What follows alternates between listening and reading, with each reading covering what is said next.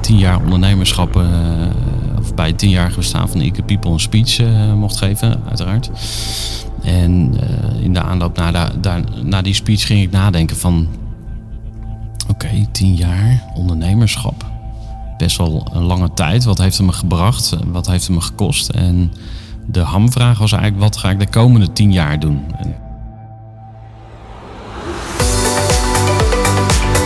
Ben Jelle Drijver. Dankjewel dat je luistert naar deze Jelly Driver podcast.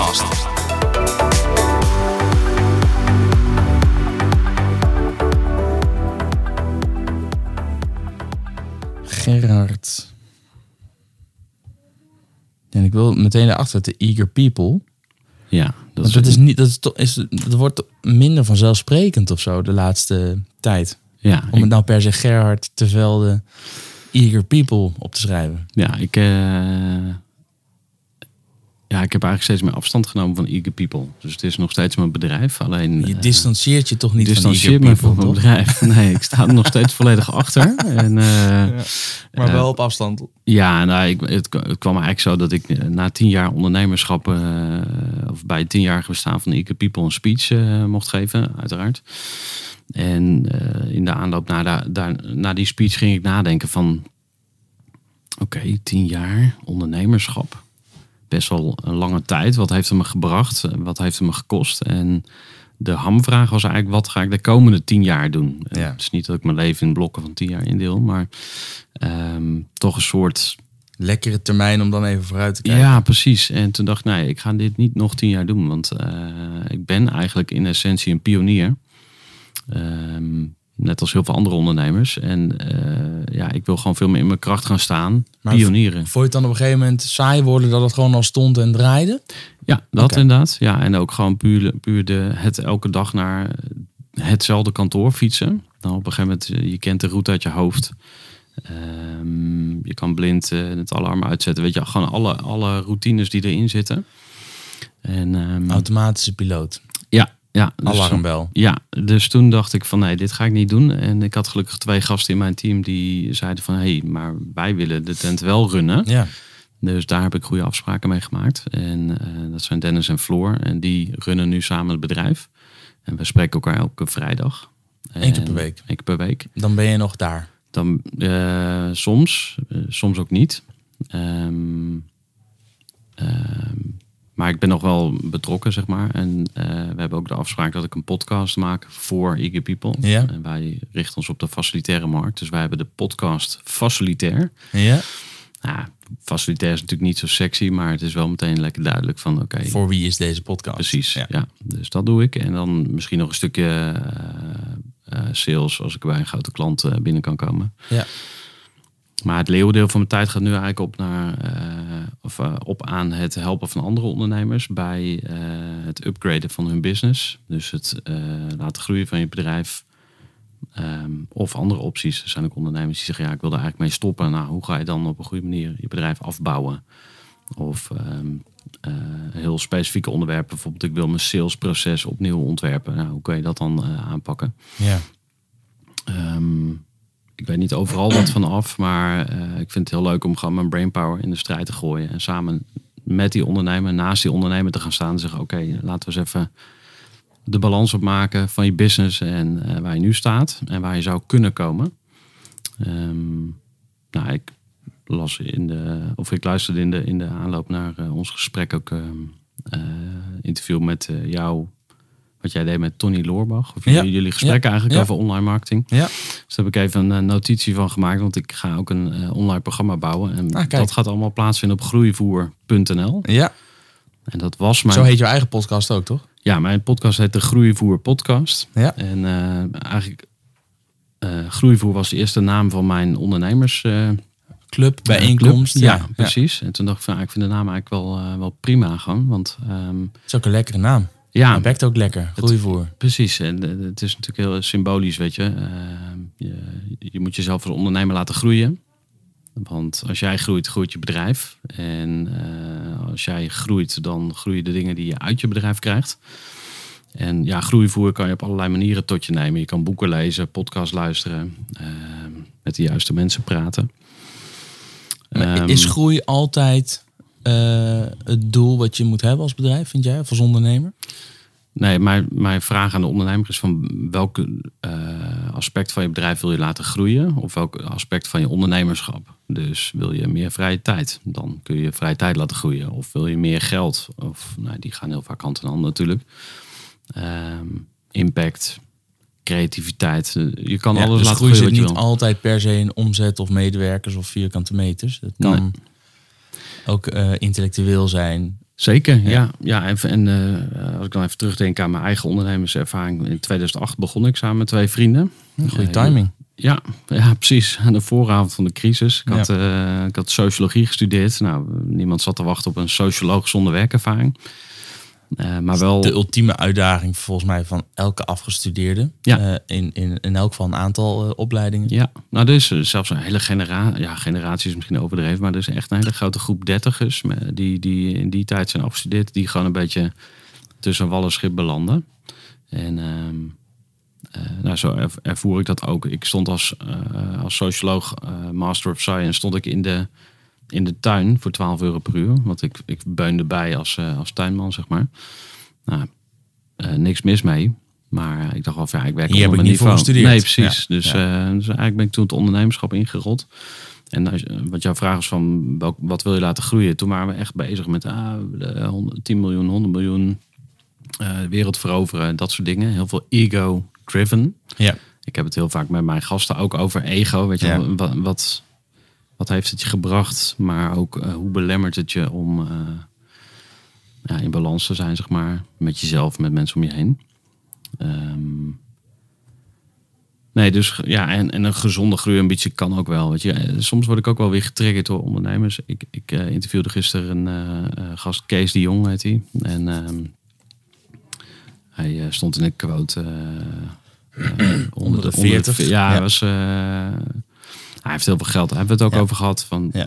wat, Onder de 40 zonder hulp van papa. Dat is, vind ik persoonlijk de allerleukste en meest inspirerende quote. ja, ja, nou dat is Veel leuker dan die interessant. 500. Ja, precies. Maar wat is Kees de Jong? Wat, heeft hij? Eh, nou, wat, waarom wat- staat hij erin? Eh, hij heeft eh, een aantal bedrijven groot gemaakt in marktonderzoek, online marktonderzoek later. En zijn grootste verkoop was Bloomers. Dat bedrijf heeft hij verkocht voor, weet ik veel, 14 miljoen of zo. Of 10, ik weet niet eens. eh, We hebben het niet echt over de getallen gehad, maar eh, op Google kan je dat terugvinden. Ja.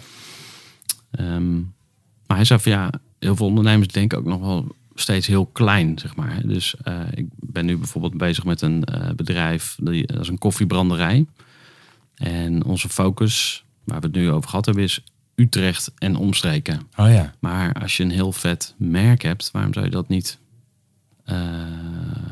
veel groter kunnen maken? eh, even voor de, jij bent bezig met de koffiebranderij of Kees? Eh, nee, ik Jij help- zelf? Nee, ik, heb, eh, nee, ik help een Je ondernemer, coacht een ondernemer. met een Oké, koffiebrander. ja, ja, precies. En die, ja. en, die, en die heeft dan als ambitie Utrecht en omgeving. Ja, dat is nu de, de Geen world maar. domination. Nee, precies. En wat, er wel, wat ik wel interessant zou vinden is om te kijken van... kan hij in Utrecht en omgeving goed geld verdienen? Ja, en als dat lukt, Dan heb je een schaalbaar iets. En die fout heb ik ook heel vaak gemaakt. Het verdienmodel klopt gewoon niet. Dus het komt te weinig schaalbaar. Ja, en recurring. precies. Ja, ja, Ja, dus, ik, kan, eh, ik snap ook nog steeds niet. Toevallig gisteren heb ik hier een podcast workshop gehad met drie deelnemers. En een van die dames, daar had ik het, we hadden het over Nespresso. Ik begrijp nog steeds niet dat Nespresso mij niet op basis van hun data helpt herinneren. hey, kijk eens in je kast. Het zou maar zo kunnen zijn dat je nog maar een paar buisjes hebt. Zullen Hmm. we gewoon dezelfde bestelling als de volgende keer vast voor je toezenden? Ik weet Ja. zeker als ze daarmee bij al hun klanten eh, eh, op jaarbasis eh, de frequentie van de bestellingen elke keer een week naar voren kunnen halen of twee weken. In plaats van wat ik nu vaak heb, kut, mijn koffie is op. Ja. En dan een week later, kut, oh ja, vergeten. En dan koffie bestellen. Dat is een week. Nee, dus als ze dat bij iedereen zouden doen, ik ben wel benieuwd wat dat aan extra eh, omzet zou opleveren. Waarom hebben ze niet gewoon een subscription model, maar dan wel gebaseerd op mijn eh, verbruik? Dus Ja. niet per maand zoveel buisjes, maar zij weten precies wanneer Ja. mijn koffie doorgaans ongeveer op is. Nu door de jaren heen. Maak daar gebruik van. Ja. Dat snap ik niet. En zo zijn er heel veel bedrijven die volgens mij hun business veel meer richting recurring inkomen zouden kunnen eh, omturnen. Ja. Eh, daar hebben we een van de dingen met Tony ook over gehad. Hè? Van, van de one-time payments naar subscription models. ja, ik geloof daar wel in, subscription models. Ja. Ja. Ja, dat is voor die koffiebranderij ook heel interessant. Ja, Want je hebt gewoon een kantoor en je weet hoeveel kopjes er gemiddeld, Gemiddeld, worden. ja. En, eh, en bij bol.com kun je nu ook eh, terugkerende bestellingen doen. Dus we hebben nu net thuis hebben we wc-papier en keukenpapier Hetzelfde ingesteld. verhaal. Komt Ja. elke maand komt er een doos. ja. Ja, Ja, ja, we, doen dat, we, we doen de boodschappen bij Picnic van Oh ja. eh, eh, Joris Bekkers en eh, Michiel Muller. Ja, dat, en dat bevalt heel goed. En daarin ook, die, die geven ook gewoon tips. Hè. En sterk nog, die zeggen, hey, een tijdje geleden heb ik dit en dit besteld, dat is nu in de aanbieding. En ik betrap mezelf er toch op dat ik dan al mijn duim boven voeg toe aan mandje heb. Terwijl ik, als ik nu zelf zou gaan bestellen, misschien helemaal niet dat in mijn mandje zou hebben gegooid. Maar de, de, en ik, ik vind dat leuk, want ik betrap mezelf er dan op wat Ja. marketingtechnisch werkt en wat het doet tussen onze oren. ja, En dat we als mens daar dus toch gewoon heel gevoelig voor zijn. ja, ja. Je wordt gewoon verneukt af en toe. Ja, nou ja, verneukt. positieve- Ja, ja, precies op een positieve manier. Ja, verneukt, dan, dan, dan klinkt het al gauw. Nou, ik had gisteren met, die, ehm, eh, met de podcastgast eh, over ehm, taak, of, ehm, Ilko de Boer. Ja, over verneuken gesproken. Ja, precies. Kunnen we dit er nog uit? nee hoor, nee, laten we er gewoon in. Nee, ehm, nee, het ging over de psychologische trucs die worden toegepast. Hè, Ja. van timers. het ankeren, weet Ja. je wel. Van, ja, zegt eh ehm, eh, Ilko dan, ik heb eh, 100.000 euro uitgegeven aan een business, hoe heet het, een mastermind. Hier heb je mijn bankafschrift. En, maar jij kan het voor 10. Maar als je nu voor tweeën Ja, voor eh, vijf. boekt, dan krijg je het voor Ja. vijf. Ja, En dan krijg je dit en dit en dit er allemaal bij. Ja. Eh, maar dan moet je wel, weet je wel, dat... ja. En, en ik heb hetzelfde meegemaakt bij Taco Oosterkamp. ja. Uh, waar ik overigens groot fan van ben ook. Mag, mag Taco ook persoonlijk graag. Ik heb ook bij hem in een groepprogramma gezeten. Maar dan zat ik ook op zo'n zo'n seminar.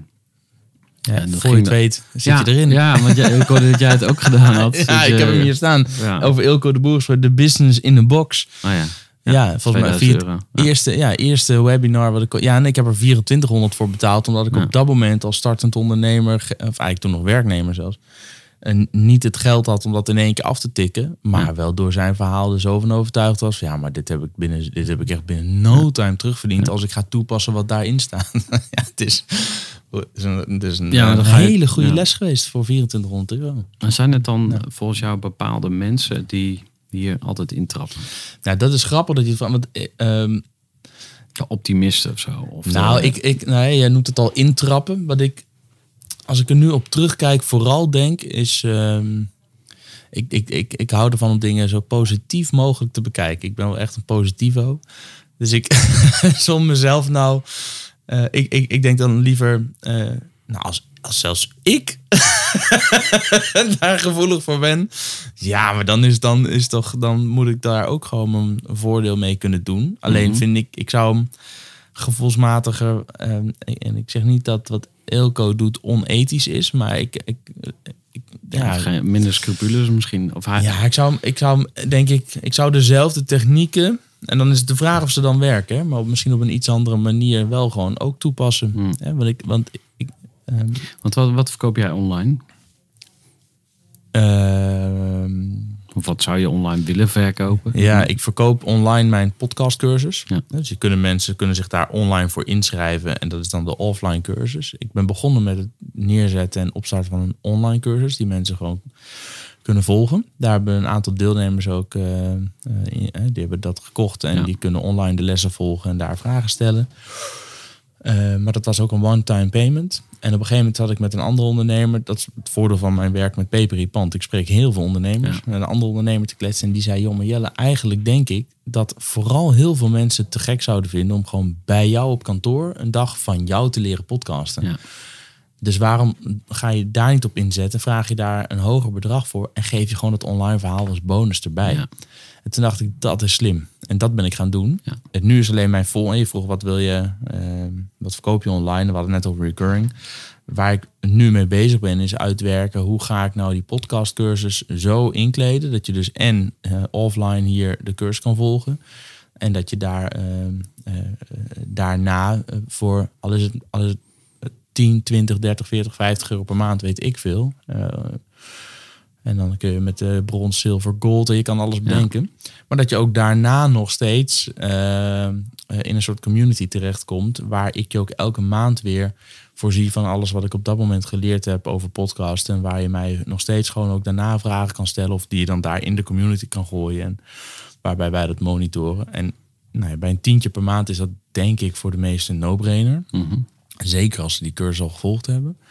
Ehm, dus daar ben ik wel naar aan het kijken. Hoe kan Ja. ik nou dat? En dan heb je ook meteen ook gewoon meer als, als, als ehm, hoe zeg je dat? Als eh, resource. Eh, dat is niet het woord wat ik zocht. Maar dan kun je ook altijd weer terugkijken naar het online trainingsmateriaal. Om ook na afloop van de cursus nog eens te kijken van hoe zat dat nou monteren Mhm. in GarageBand? Of hoe, hoe moest ik nou ook weer mijn podcast indienen bij Spotify? Ja. Al die dingen, welke apparatuur voor welke situatie was nou handig? Wat zei die nou ook weer tijdens die dag? Nou, Mm. dan kun je het gewoon eh, naslagwerk, dat woord. Ja. Dacht ik. Ja. Dus dat, dat is wat ik nu online vooral verkoop. De, de podcastcursus. Ja. Ja. Ja. Zullen we nog even een soort introotje doen voor de groeivoer luisteraar? Want we zijn heerlijk het gesprek ingedoken. Ja, maar bam, ik heb eh, wel eh, wat vragen ook eh, opgeschreven. En de eerste vraag is natuurlijk... Ja, want, even voor Ja. mijn luisteraars dan. Ja, wij ja. nemen nu twee podcasts op. Jij hebt de Ja. Groeivoer podcast. Maar we hebben van Ja. tevoren bedacht... gaan we nou echt twee keer met elkaar in gesprek? Of gaan we gewoon één keer opnemen... en gaan we dat allebei publiceren? Ja. En bij jouw podcast zal er een Groeivoer intro voor zitten... en bij Ja. mijn podcast een eh, Jelly Driver podcast Ja. eh, intro. Dus, dus we gaan op allebei de kanalen gaan we dit straks eh, publiceren. Maar, aan, jou, aan jou nu jouw kick-off. Ja, doen we even een voorstelrondje. Ehm, ja, misschien leuk als jij straks aan mij vraagt eh, Tuurlijk. wie ik ben. Ja, Eh, maar maar ik, Zeker. ik eh, zou jou ook graag doorzagen. Dat is natuurlijk een grapje, maar... eh, ehm, ja, Jelle Drijver. Ik wil je heel graag vragen om jezelf voor te stellen. Eh, wie is Jelle Drijver en waar kunnen we jou van kennen? Wie is Jelle Drijver? Laat het hem vragen. Ik, ik, nou, ik ben Jelle Drijver, ik ben ondernemer, ehm, ook ruim tien jaar. Ik ben eh, nu vooral heel druk met peper in je pand. Dat is eigenlijk mijn core business. Het verhuren van bedrijfsverzamelgebouwen. Dus als er een pand leeg is, dan stoppen wij er weer peper in. Dus geen peper in je reet, maar peper in je pand. Eh, dat is ontstaan omdat ik met mijn andere bedrijf Mega Exposure, online marketingbureau, in een leegstaand kantoorgebouw terecht kwam samen met nog één andere ondernemer of twee andere ondernemers die uit een anti-kraak situatie kwamen. En wij wilden heel graag leuke buren. En na een jaar zaten wij daar nog steeds met datzelfde kleine clubje in een pand van acht etages. Ja. En daar gebeurde niks. En de makelaar deed nou eigenlijk niks. En eh, toen dacht ik, wij gaan onze kennis van online marketing inzetten om leuke buren te zoeken. Dus eh, geld was normaal niet de, de, toen nog de, eh, de doelstelling en de reden om dat te doen. Maar we wilden vooral reuring in het pand en gezelligheid. Nou, dat is een beetje uit de hand gelopen. Want Ja. Inmiddels hebben we ongeveer 14 bedrijfsverzamelgebouwen waar we de verhuur doen. Waarbij we ook bij een aantal een, een community eh, rol hebben. Dus waarbij we ook eh, continu zeg maar, dingen organiseren en eerste aanspreekpunt zijn voor huurders. Ja. Dat is pand. Dus dat is inmiddels is, is mega exposure. Mijn online marketingbureau heb ik afgeschaald. En Hmm. heb ik nog een aantal vaste doorlopende klanten. eh, waar ik meer in de rol van brainstorm partner nog aanschuif dan Ja. dat we echt nog websites maken en eh, campagnes eh, doen. Ehm, nou, daarnaast geef ik regelmatig trainingen en lezingen waarin ik mijn kennis deel. Ofwel over online marketing, ofwel over podcasting. Ja. En ik heb dus de podcastcursus ook. Eh, Dus ik, ik, ik, jij had het straks in jou, hè, we hebben elkaar al even gesproken Mm. over het feit dat jij bij eh, Eager People na tien jaar dacht, ja, automatisch piloot, elke dag hetzelfde. Ja. Ja. ik ben daar ook niet voor gemaakt. Dus ik, Mm. ik moet voor mezelf, ik moet een aantal dingen hebben waar ik me mee bezig kan houden. Dus Ja. als wij zo klaar zijn, rijk naar Gouda, ga ik daar ehm, eh, een dagdeel lesgeven aan eh, studenten eh, eh, in het vak online positionering. Nou, Aha. vind ik te gek, vind ik superleuk. Wat vet. Ja, dus ik, ik doe verschillende dingen. Maar waar mensen mij vooral van kunnen kennen, is denk ik of de podcast Ja. of, ehm, eh, ja, of vanuit mijn peper pandrol. Ja. En je hebt meerdere podcasts. Ja. Ja, en ik moet me vooral, ik moet me echt inhouden om er niet nog veel meer te lanceren. Want ik heb, ik weet niet hoe jij dat hebt. Jij hebt natuurlijk nu ook twee podcasts. één voor Ja. Eager People en de Groeivoer podcast. Ja. Maar ik heb heel vaak, dan zit ik in een gesprek of dan fiets ik ergens. Van de week fiets ik hier op, op, om, om acht uur s'avonds avonds langs Kanaaleiland, langs het kanaal. Ja. Nou, Kanaleiland is over het algemeen een wijk die niet per se heel goed bekend staat. En ik fietste daar en ik had de hond naast de fiets. En de zon die, die, die was nog net, die scheen- zat zo achter de brug. En links had ik het water met bootjes. En rechts zaten mensen van honderdduizend culturen. Van Turken, Marokkanen, Hollanders. eh, eh, alles door elkaar. In het gras. Iedereen had een glimlach op zijn op smoel. Het- de een zat te barbecuen, de ander lag te knuffelen. Weer een ander zat een glas wijn te drinken. Weer een ander was een boek aan het lezen. Het was zo idyllisch. En dat, Wow. ik, dat ik daar fietste en ik dacht, ik zou gewoon eigenlijk een microfoon willen pakken. En eh, op zoek naar de schoonheid willen Ja. maken of zo. En, en met mensen gewoon, gewoon lekker kletsen. Van wat Ja. brengt je hier? En dat publiceren. Ja. En de- de enige podcast die klaar staat, die ik echt ga maken. En ehm, dat is de Favorite Failures podcast. Die komt nog. Cool. Waarbij ik met topondernemers in gesprek ga. Of überhaupt gewoon met ondernemers in gesprek ga over ja, de, momenten, ja, de momenten waarop het niet goed ging. En de podcast die ik live heb staan, dat is de Jelly Driver podcast. Ja. Dat is eigenlijk de, de belangrijkste, de meest bekende, denk ik. En de Op de podcast. Ja. Da- Dat is een podcast waarbij ik vraag. Mijn eerste vraag is: hoe lang zit jij gemiddeld op de pot? Nou, Ja. zeg jij. eh, Drie minuten. nou, dan zet ik een timer, eh, drie minuten. En dan gaan wij drie minuten in gesprek en daarna is het klaar. Ja, ja. En de lift. En de lift is eigenlijk een hele lokale podcast. Mhm. Die neem ik op met ondernemers hier uit eh, dit gebied, waar we de verhuur ook doen. Ja. En die is eigenlijk bedoeld, het zijn allemaal ondernemersverhalen, dus iedereen kan en mag er naar luisteren. Maar het is eigenlijk bedoeld voor de huurders die hier zitten om op weg naar kantoor gewoon af en toe eens een podcast te luisteren. Met, met wie deel ik nou eigenlijk dit pand en waarvoor kan ik bij ze terecht? Ja, cool man. En ehm, hoe ben jij verliefd geraakt of geworden op podcast? Waar is het Ja. allemaal begonnen voor jou? Het is begonnen in 2014 dat ik eh, eh, podcasts eh, begon te luisteren. Ik moet wel zeggen, ik, ik heb al, ik had al veel eerder het gevoel van, nou die podcast kon wel eens wat gaan worden. Dus op Hmm. Twitter heb ik bijvoorbeeld podcast ook als handle ooit geclaimd. Dus Ja. ik vind nog steeds kicken dat die van mij is. En, maar ja, eh, maar het is Maar het vooral... bestond al, bestond al sinds 2004 of zo volgens Ja, mij in Amerika. Ja, zeker. Nou, eh, wereldwijd. Alleen Mm. eh, toen werkte het niet. Dus toen, eh staat een briljant filmpje. is leuk om eens op te zoeken over ehm, Steve Jobs, Adam Curry. Als je dat intypt op YouTube, Mhm. dan vind je een video waarin Steve Jobs op zo'n Apple-event, we kennen ze, het, tot in de puntjes verzorgd. Niks wordt aan het toeval, bijna niks, wordt aan het toeval overgelaten. En dan legt hij uit wat podcasting is. En dan heeft hij dat aan een aantal mensen al als beta volgens mij gegeven, waaronder onze eigen Adam Curry. Die dan al in Amerika woont en een podcast publiceert. Ehm, en dan klikt hij daar op eh, onstage, zegt te kijken. En hier hebben we bijvoorbeeld Adam Curry. Nou, die kan gewoon zijn eigen radioshow eh, delen met de hele wereld. En nou, bijvoorbeeld deze, en dan klikt hij er een aan. En dan begint die show met Adam Curry, die iets zegt in de trant van... Hi everybody, uh, uh, man, I had to reboot my uh, computer. My Mac is acting up like a motherfucker. Weet je, en, zo- en dan zie je Steve Jobs met een grote oké. En dan drukt hij zijn klik weer uit in die zaal hoor je echt zo... Briljant fragment, Het mooi om eens terug te zien. Eh, dat ging dus nog zo oud. helemaal- ja. Nee, dat ging niet goed, Ja. omdat eh, je kon je abonneren op een podcast. Mensen konden al podcasts maken.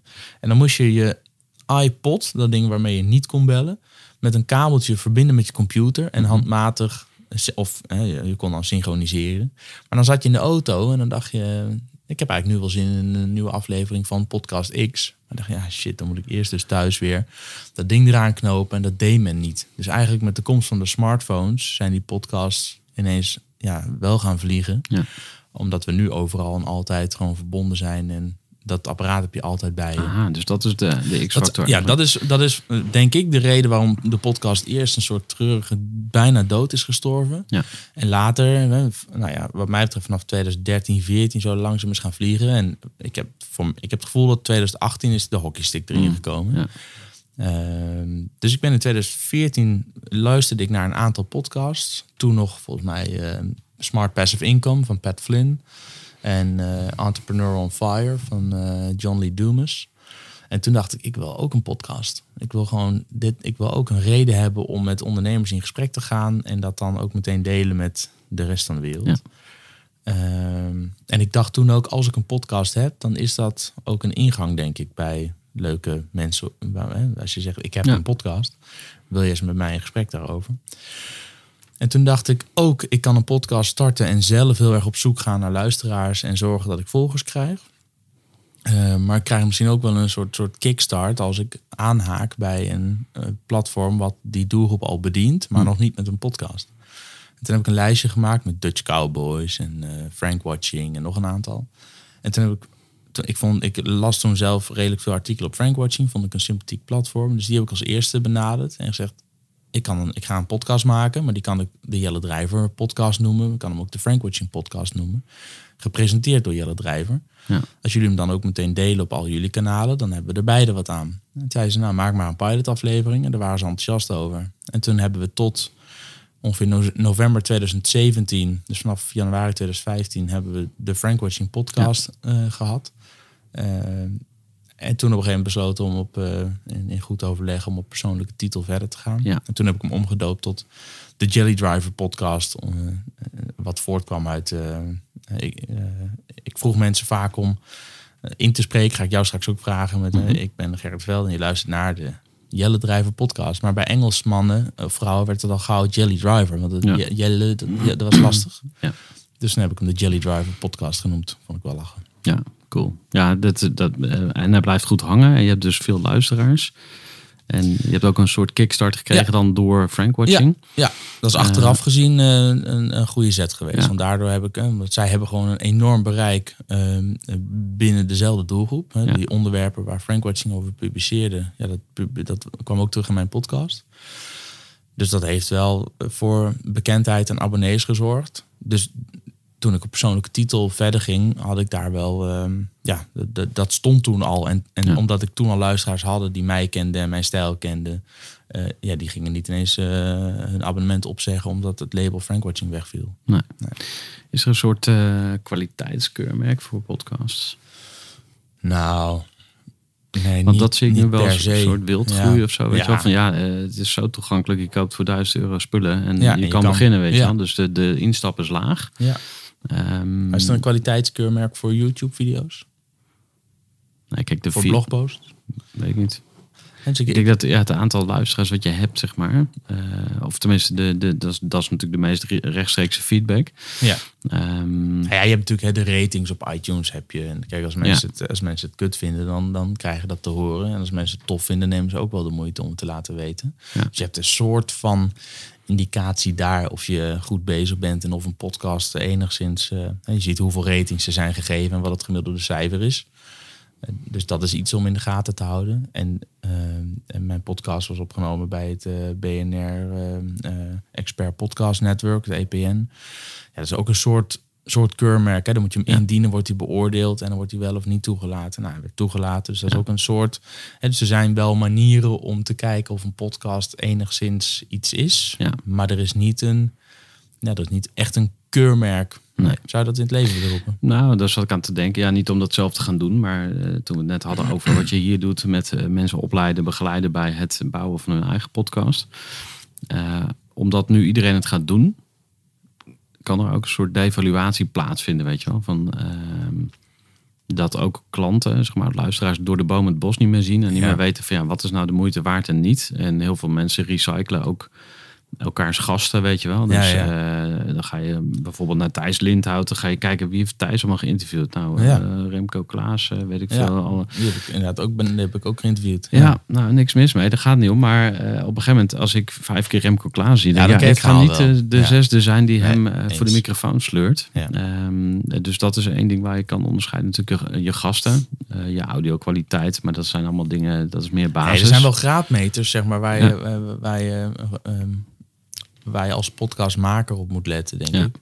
Maar als, om als consument eh, is er niet een... Ja, er zit, niet, er zit wel een labeltje explicit of niet bij, Ja. een podcast. Op de een Ah. of andere manier heb ik er bijna allemaal 18 zo'n eentje erachter staan. Want je zoveel eh, vloekt. Ja, dat denk ik, ja. Ja, eh, maar dat doe ik in het dagelijks leven ook. Dus, nou, Ja. vloeken. Ah, maar, Jelle heeft ja. Gilles de la Tourette. ja, ja, ja, ja.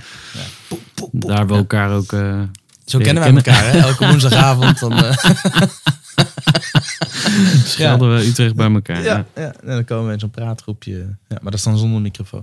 Nee, ik heb. eh, eh, dus er is niet echt een, een, een keurmerk. Nee. Maar dat, ik vind wat. wat eh, de podcast is voor radio, vind ik, is YouTube voor tv. Hmm. En is blog voor de geschreven pers. Weet Dat je? is Dus, gewoon prima volgens jou. Ik denk dat het prima. Ik denk dat het zichzelf ook wel uitkristalliseert. Er zijn mensen mega populair op YouTube in, in, in alle segmenten. Ja.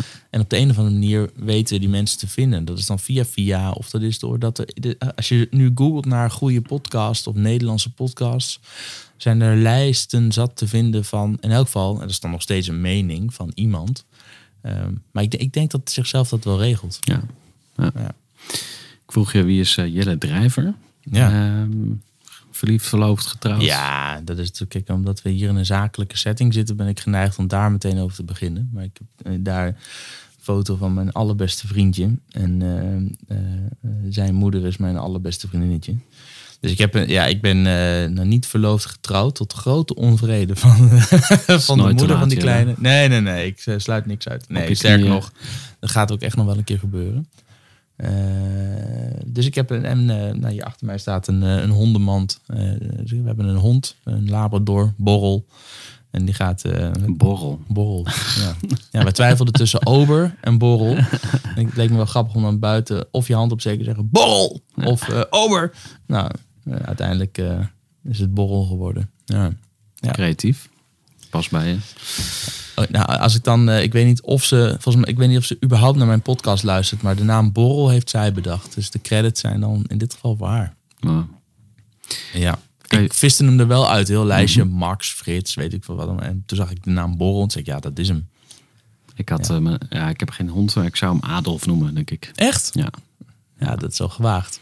Zeker. Ja. Ja. Maar ik, ik ben bij de Duitse grens geboren in Enschede. Ja. En daarom heet ik ook Gerhard. Dus niet Gerard. Ik word ook Gerard genoemd. Ja. Dat vind ik ook prima. Maar, ja, doe ik eh, ook, merk ik. Ja, helemaal goed. Ger- Gerhard. Goed. Gerhard. is- ja, als je onthoudt dat het op zijn Duits is, Ja. dan eh, kom je er meestal wel uit. Ja, hard. Ja, boy. Jawohl. En, Ja. eh, Maar je hebt toch niet een soort, soort fascinatie nog voor Adolf, hoop absoluut. ik? Want dan, Absoluut. echt? Nee, maar dat was mijn volgende vraag. Van? Zou je samen met mij een podcast willen maken? Oh, nee, natuurlijk niet. Ik wou zeggen, want als, als, je, als je nu hier gewoon aangeeft dat je een weg. fascinatie hebt voor Adolf Hitler, dan Dan druk ik nu, die, zet ik nu, nee, dan Oh, zet ik nu de, dan denk ik dat ik nu, je zit zes hoog hè, ik weet niet of je kan vliegen, maar dan zet ik nu de eh, recordknop eh, uit en dan eh, eindigen we hier denk ik. Jelle, Jelle wil ooit nog de politiek in, zo horen wij. Nee, nee, nee, maar nee, nee, nee. nee. Hey, maar waarom ehm, zou je hem Adolf noemen dan? Ik ben wel benieuwd. ehm, Gewoon om te chockeren. Nou, denk om dezelfde reden dat jij je hond Borrel noemt inderdaad. Ja, gewoon een beetje, eh, lekker anders is. doen. Ja. Ja. Ehm, hoe, hoe is het om te ondernemen met een gezin? Want ik ben eh, zelf net vader geworden Ja, van maandjes gefeliciteerd. geleden. En, Ja. ehm, Weet ik nog. nou, ik sta nog, ik leef nog. Ik had, ik had de nachtdienst eh, vannacht. Oh ja? Dus dat was wel even time. Maar Werkt zij ook? En nog niet. Nee, dat komt nog. Ja. Wat, wat wij hebben gedaan in de tijd dat zij nog niet werkte, was we hadden de afspraak tot twee uur doe ik het, Hm. S'nachts. En na twee uur doe jij het. Want dan wist ik zeker, kijk, als hij dan na twaalf uur niks meer deed, had ik mazzel. Maar dan kon ik van twaalf tot, nou zeg zes of zo, kon ik in elk geval zes uur aan één stuk doortukken. Want dan Ja. wist ik dan, en dan deed ik ook oordop in en dan deed zij de, de, de, de De night shit. ja. Nou, shit, ja. Dan echt maar weg. Ja. En, eh, en, en dat, dat vond ik heel prettig werken. Want dan kon ik in elk geval... Ik vond vooral dat die gebroken nachten, die braken op. Ja, Dus de, de, ik moest, of moest... Ik vond het heel fijn om ook van een paar uur achter elkaar slaap te kunnen pakken. En wij verdeelden dat gewoon. Dus zij kon oordop indoen in de, eh, in, in de eerste uren. Ja. En ik, eh, ik, ik daarna. En dat vond ik heel fijn werken. En ik maakte me wel zorgen voor dat, eh, tijdens de zwangerschap. En eigenlijk daarvoor al. Van ja, weet je, gaan we wel of niet aan kinderen, gaan we het proberen Hmm. of niet? Eh, toen dacht ik, ja, maar hoe dan combineren met mijn werk? Zo, onweer opkomst. Ja, het gaat om. Ja. Ja. Dus ik, ik dacht, hoe ga ik dit in vredesnaam combineren? Want Ja. ik, ik ga s ochtends op tijd naar kantoor en dan, ja, ik werk regelmatig gewoon tot, tot, tot 11 uur, 12 uur, 1 uur s'nachts nachts door om mijn bedrijf te bouwen, et cetera. Ja, dat kan natuurlijk nooit in combinatie met een kind, dacht ik.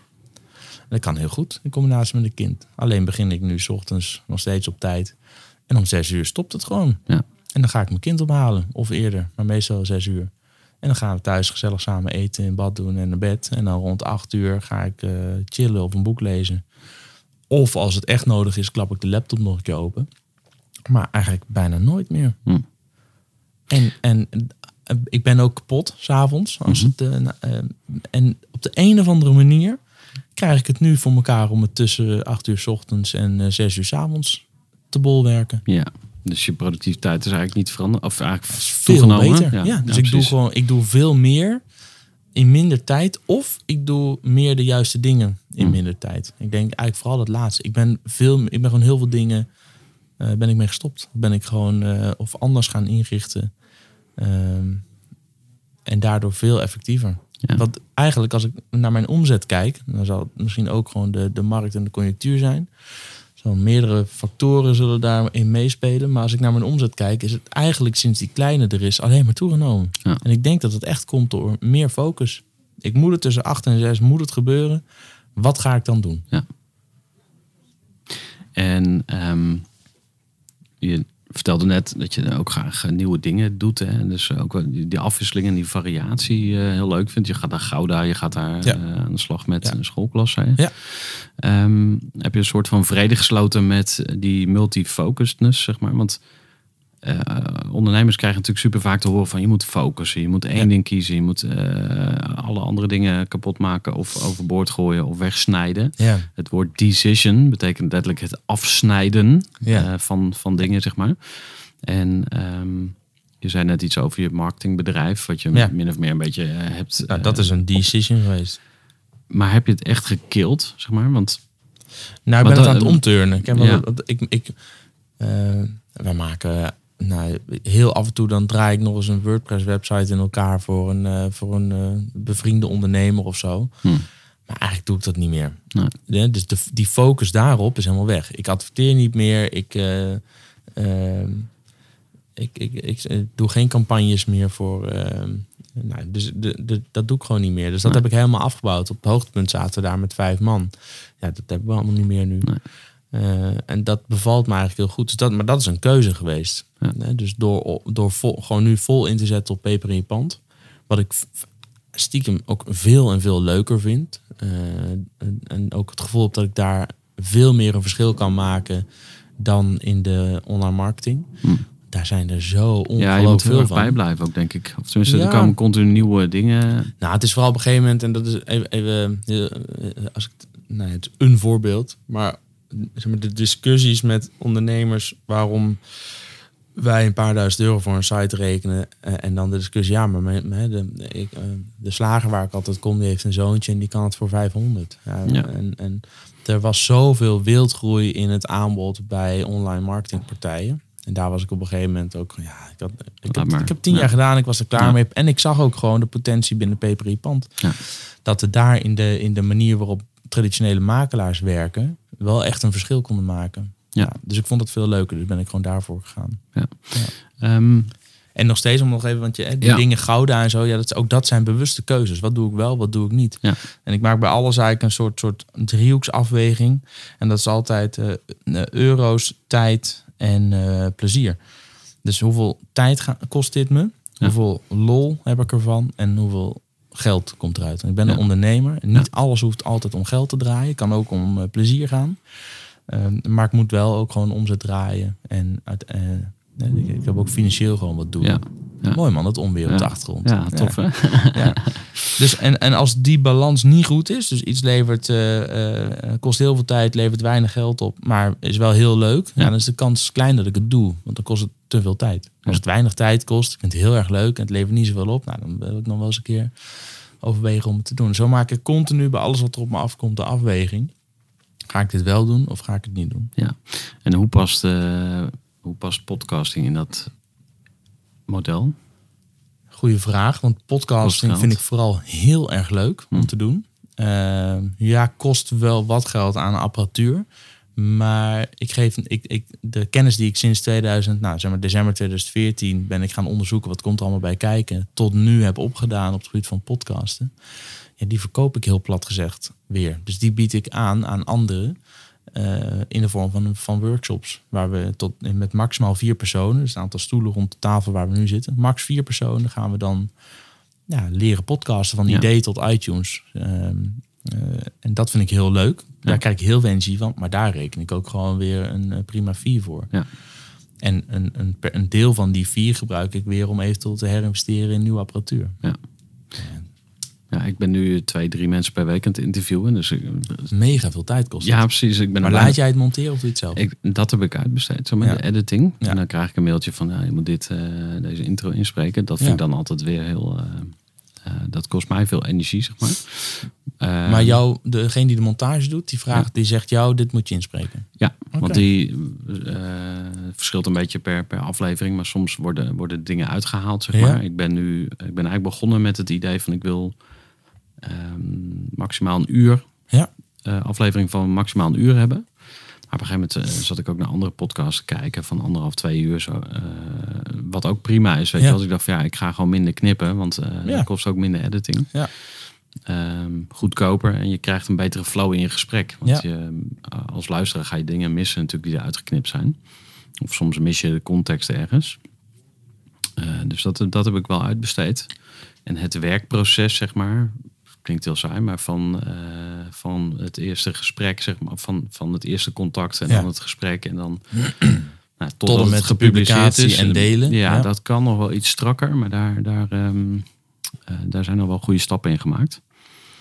Ehm, maar wat mij het meeste energie geeft en wat ik het leukste vind, is gewoon het gesprek zelf. Met de ondernemer, Ja, ja. je zit gewoon, ja. je komt leuke mensen tegen, eh, je hebt leuke gesprekken en wordt zelf ook weer aan het denken gezet. Ja, ik, word, ik heb nog nooit een gast gehad waarbij ik niet met een nieuw idee of een nieuw contact of een eh, of, of op wat voor manier dan ook met inspiratie eh, dat gesprek. Zelfs gesprekken waarvan ik achteraf dan, ik vond het helemaal geen leuk gesprek. Ja, ja. Eh, had ik een dag later toch van, oké, maar dat is toch, daar, daar kan ik iets mee. Ja. Ja. Kan je eens een gesprek noemen wat je helemaal kut vond?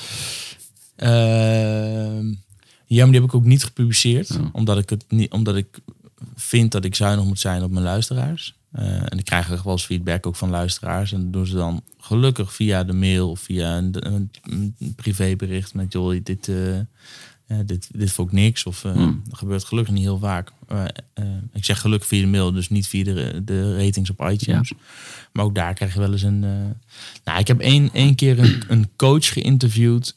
Ehm, ja, dat was echt, echt. Dat was gewoon een kakgesprek. Dat was echt helemaal niks.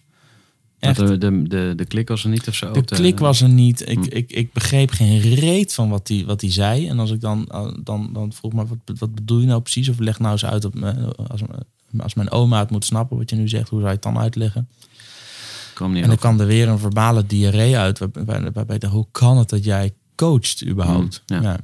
Ja, die heb ik dus ook niet gepubliceerd. En dan, en, en dan zag ik later een keer ergens onder een blogpost eh, over een andere aflevering een, eh, een reactie van diezelfde persoon met eh, wanneer houdt deze Jelle Drijver nou eens een keer op met, eh, met dit podcast gedoe. Mm. En, dus ik denk dat, dat we in de, elkaar gewoon niet zo... eh, Het was een haat-haat verhouding. ja, en ik denk dat hij ook gewoon teleurgesteld was dat ik het niet gepubliceerd heb. Maar Ja. ja, uiteindelijk vind ik dat ik... ehm, ja, ik heb luisteraars en daar ben ik zuinig op.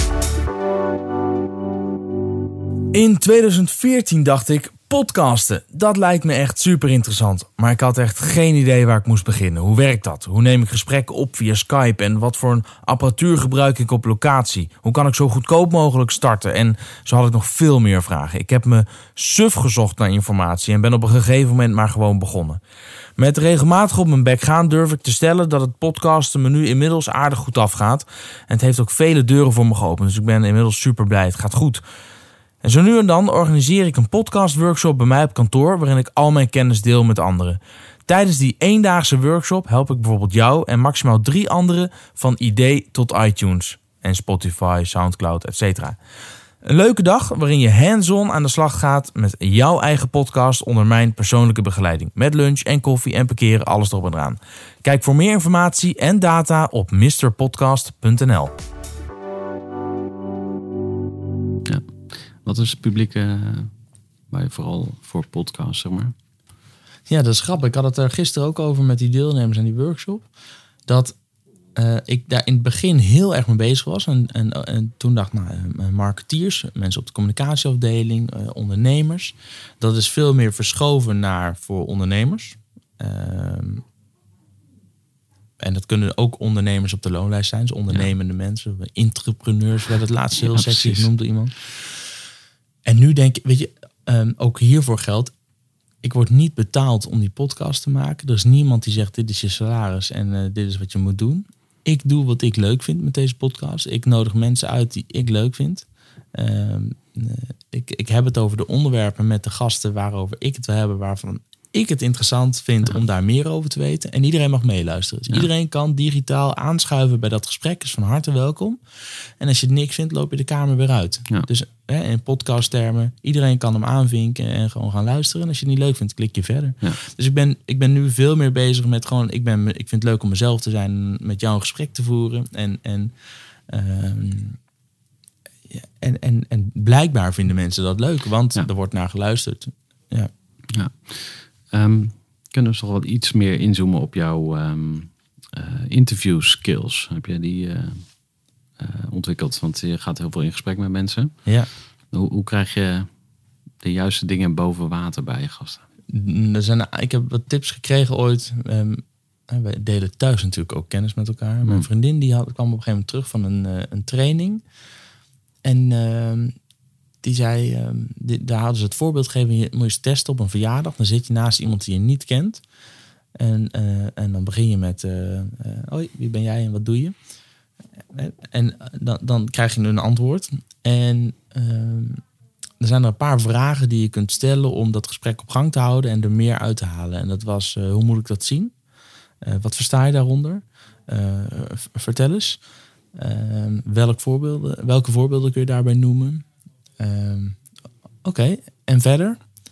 Dus als je iemand vraagt om, eh, eh, hoe moet ik dat zien? Dan krijg je een antwoord. Nou, ja, zo, zo. Ja, ja, ja, ja. En welk voorbeeld kun je daarbij noemen? Ja, dat en dat. En verder? En dan gaan mensen denken, ja shit, want dit is het eerste voorbeeld wat ik al in mijn gedachten had. En dan vraag je en verder.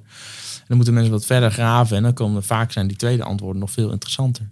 En, en zij is dat ook echt gaan testen gewoon. Ja. En dat- ik zag haar dat ook testen. Als we dan op een verjaardag waren, dan hoorde ik haar, hoorde ik haar zeggen, hoe moet ik dat zien? Oh ja, en verder? Wat, wat versta je daaronder? Ja. En eh, welk voorbeeld kun je daar benoemen?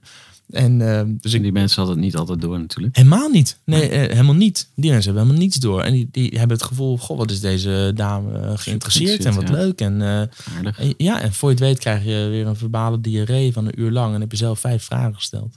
Maar die vragen, die, het zijn van die vragen die je altijd kunt inzetten. Ja. En die eigenlijk altijd helpen om eh, een gesprek op gang te krijgen. En wat jij doet is van tevoren eh, even inlezen of een keer eh, een andere podcast luisteren. Ja. ja, ik was op een gegeven moment aan het luisteren naar Kel Fassman. Ik weet het niet.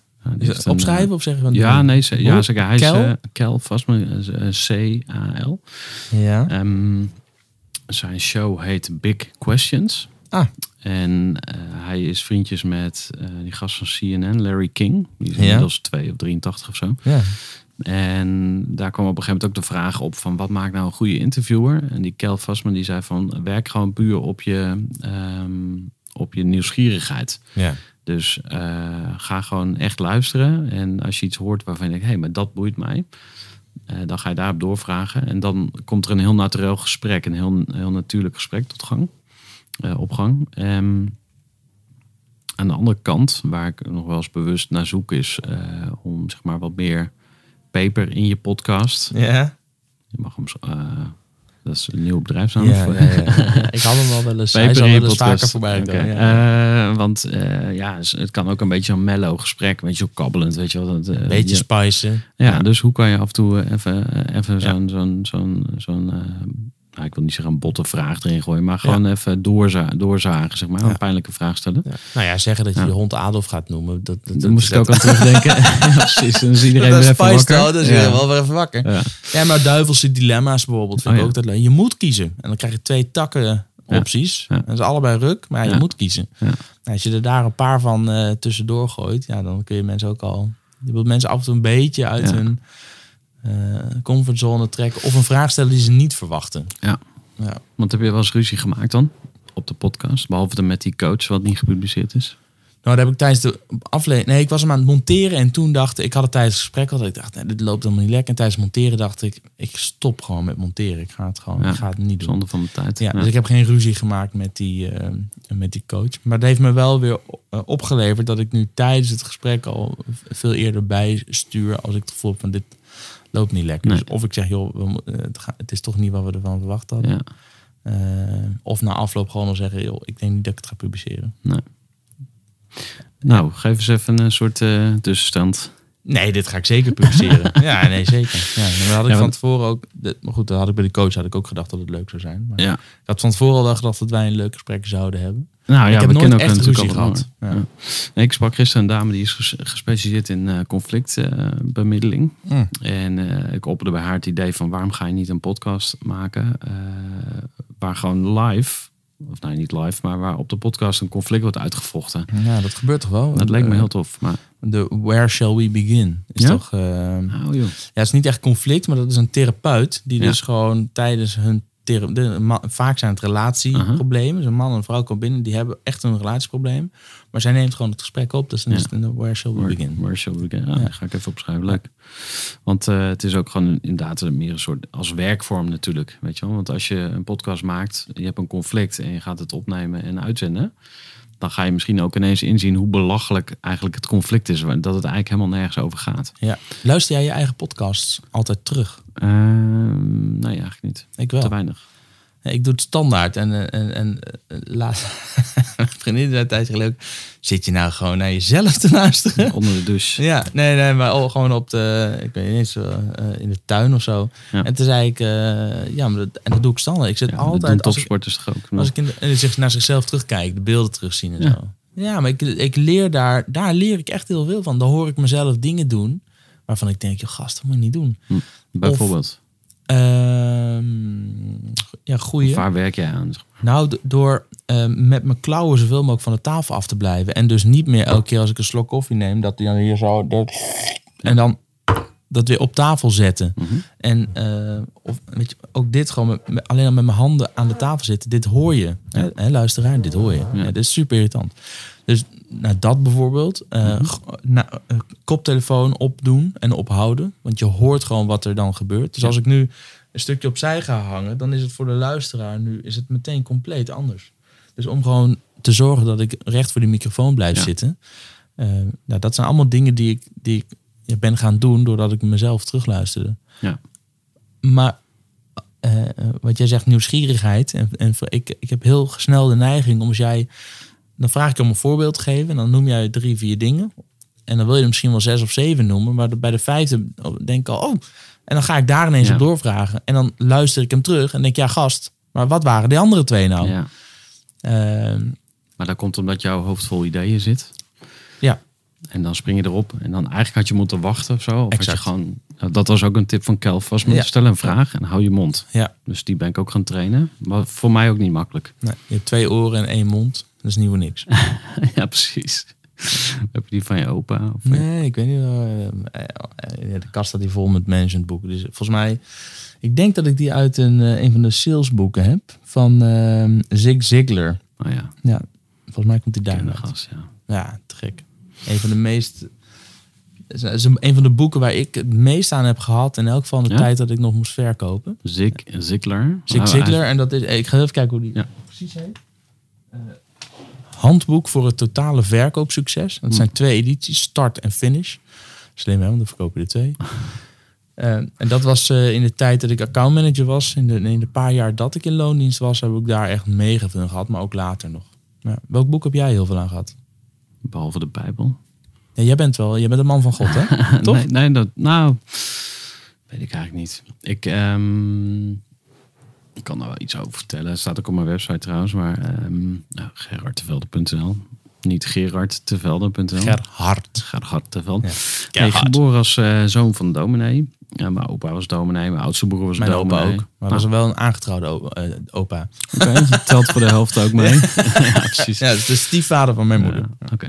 Ehm, nee, geïnformeerd gezin, zeven kinderen. Ehm, ja, daar krijg je echt wel wat van mij natuurlijk. Hè? Dus als je naar een gereformeerde basisschool gaat en een categorisatie en allemaal dat soort eh, ja. dingen. Dat, dat, ja, op, dat, ik zeg altijd, is met, de- met de pollepel ingeslagen. Ingeslagen. Ja, Ehm, ja. Want categorisatie is dat dan ook dat je met zo'n bal met punten eraan jezelf op je rug moet ja, slaan? ja, klopt. Hoe heet dat ook weer? ja, dat is eh, ehm, Gijzelen, gezelen. gezelen. Dat is weer iets anders. Ja, nee, je hebt wel. ehm ehm, wat ga ik nou zeggen? Nee, jij vroeg, ja, geloof je in God? Nou, ik, ik behandel in mijn podcast al altijd de vraag van, is er meer, of eh, me- meestal de vraag van, is er meer dan wij zien of vast kunnen pakken, zeg maar. Dat vind ik namelijk wel een interessante vraag. Wat denk je zelf dan? Ehm, denk het wel, ja. Ja. En wat ik het lastige vind aan gespre- gesprekken over geloof, zeg maar, dat, dat, dat mensen heel snel eh, gaan eh, naar meerdere dingen. Eén is bijvoorbeeld, je gelooft of je gelooft niet. Ja. Terwijl, ja, ik zou daar anders in. Je gelooft van alles en nog wat. Ja, dus, eh, en geloof is ook dynamisch, weet je wel. De, er kan een periode in je leven zijn waarin je iets gelooft. En een andere periode geloof je net weer even andere terug. dingen. Ja. Ja, je evolueert daarin. En eh, de wereld verandert, jij verandert. Dus dat, dat is iets wat dynamisch is. Ehm, en het gaat heel vaak over vergelijken en over eh, ergens een mening over hebben. Dus als jij mij de vraag stelt van eh, ja, geloof je wel of niet? Ehm, heel vaak is het dan degene die het vraagt, die heeft daar ook een mening over of zo. Dan, ik voel me dan in ieder geval altijd een beetje zo van, ah, nu moet ik, uit, moet ik iets gaan of uitleggen of zo, weet je wel? Ja, uitleggen of verdedigen? Hoe voelt Allebei, dat? ja. Ehm, terwijl, nou, ik denk dat we wel steeds meer in Nederland ook elkaar de ruimte geven, zeg maar. Van ja, jij mag geloven wat jij gelooft en ik wat ik geloof. En ook iemand die eh, niks gelooft of in Ja. ieder geval niet gelooft in, in, eh, in onzichtbare dingen, eh, hogere zijnsvormen of wat Ja. dan ook. We moeten ook weer niet doorslaan in onverschilligheid of zo, want je hebt het wel over hele belangrijke zaken, zeg maar. Vind ik dan. Ja, Ehm, precies. Het is in elk geval, je moet, je moet je realiseren dat het voor de ander heel belangrijk is. Ja, zeker. Ja. En daar moet je, en dat, of dat dan eh, eh, islam is en Allah, of het is eh, Jezus en het christendom. Ja. Dat, dat maakt niet uit. Hè. Ik, ik, ik ben niet gelovig. Ja. Ehm, Ja, dat geloof ik dus niet.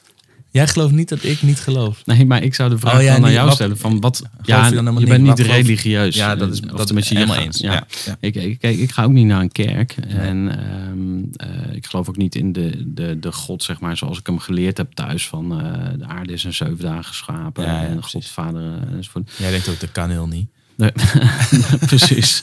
Nee, dat moet in zeven seconden kunnen. Of eh, maar het hele concept tijd, zeg maar. Ja. Eh, ik ben nu aan het lezen in ehm, eh, boeken van, van Eckhart Tolle. En die schrijft ook over spiritualiteit. En die zegt eigenlijk van...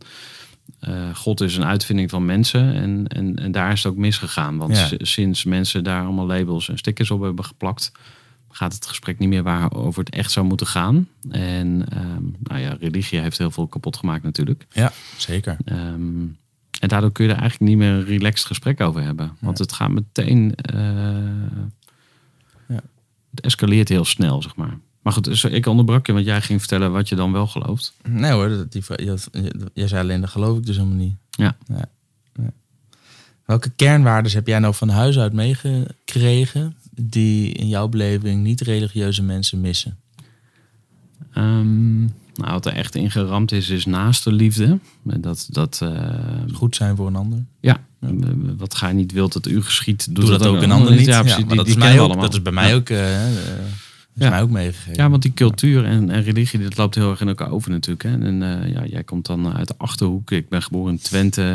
eh, niet. je. Maar? Ja. Oh. Ja, toch? Ja, precies.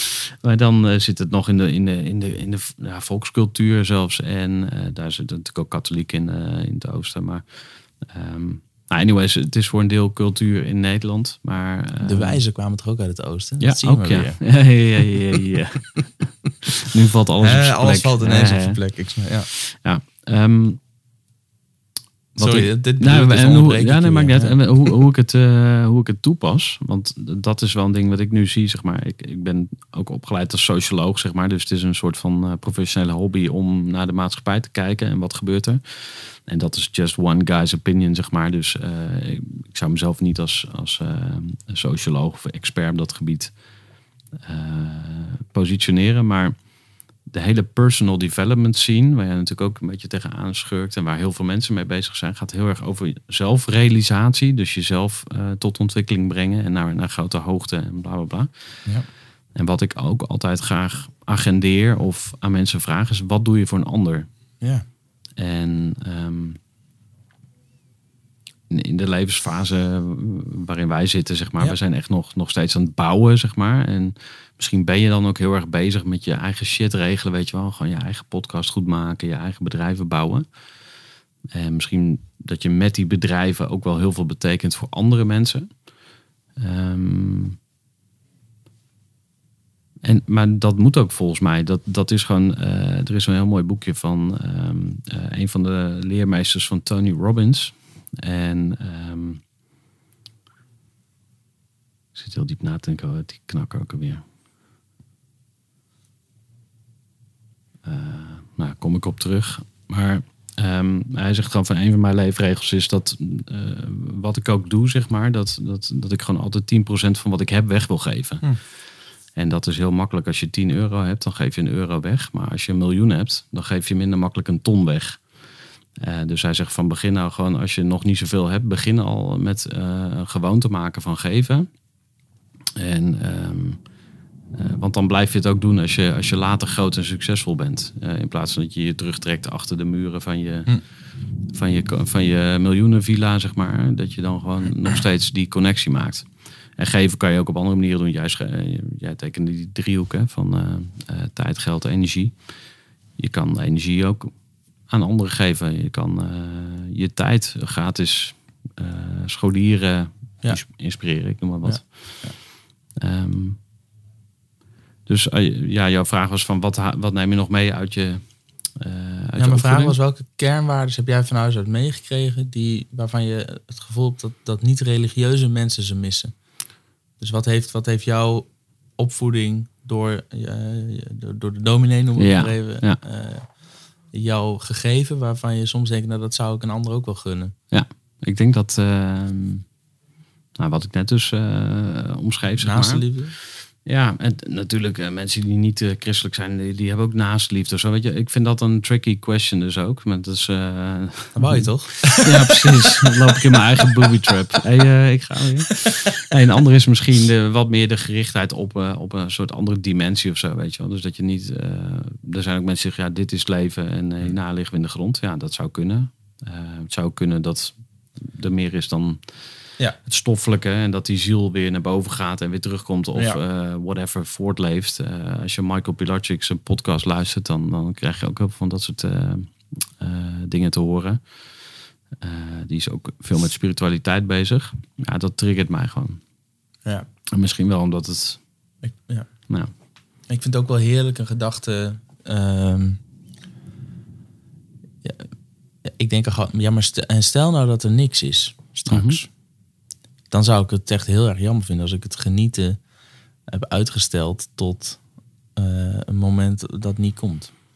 Ja. Dus ik, de, ik, ik, ik, eh, ik haalde maar, ik probeer maar gewoon alles eruit te halen. Ja. Wat eruit te halen is. Voor het geval dat er, en als er dan wel iets is, nou, bonus. Ja, maar dan dat, dat, eh, die gedachtegang herken ik heel erg ook uit mijn jeugd. Van het geloof was vooral heel veel dingen niet mogen, zeg maar. Dus geen. ehm, eh, nou, bijvoorbeeld geen tv of zo. Oh ja. We hadden uiteindelijk eh, gingen, gingen- kregen we wel tv, maar daar was wel discussie over. Ja. Ehm, en heel veel dingen niet mogen, zeg maar. Dus ja, daar ben ik nu helemaal, sta ik helemaal los van. Ik bedoel, ja, alles mag en kan. Ik heb niet het gevoel dat als je christelijk bent, dat je dan per se heel veel dingen moet ontzeggen of zo.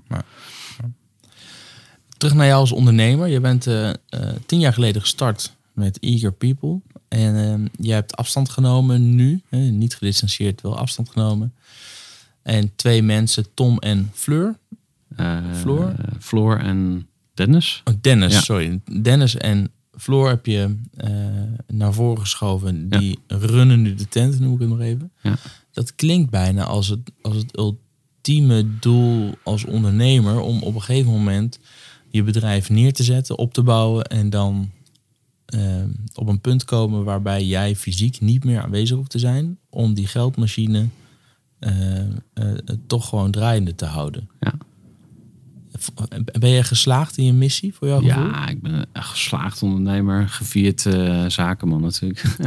Nee, maar was dit, was Nee, dit, eh, dit tien was- jaar geleden al jouw, jouw ideaalbeeld? Nee, ik, ehm, voor mij werkt het op dit moment. En het kan ook zijn dat er weer een periode komt waarin het verandert. Dus dat Ja. ik denk van ja, ik wil toch een actievere rol. Of ik wil eh, aan de slag met, weet ik veel, internationaal uitrollen van Eager People. Eh, weet je, het zou allemaal kunnen.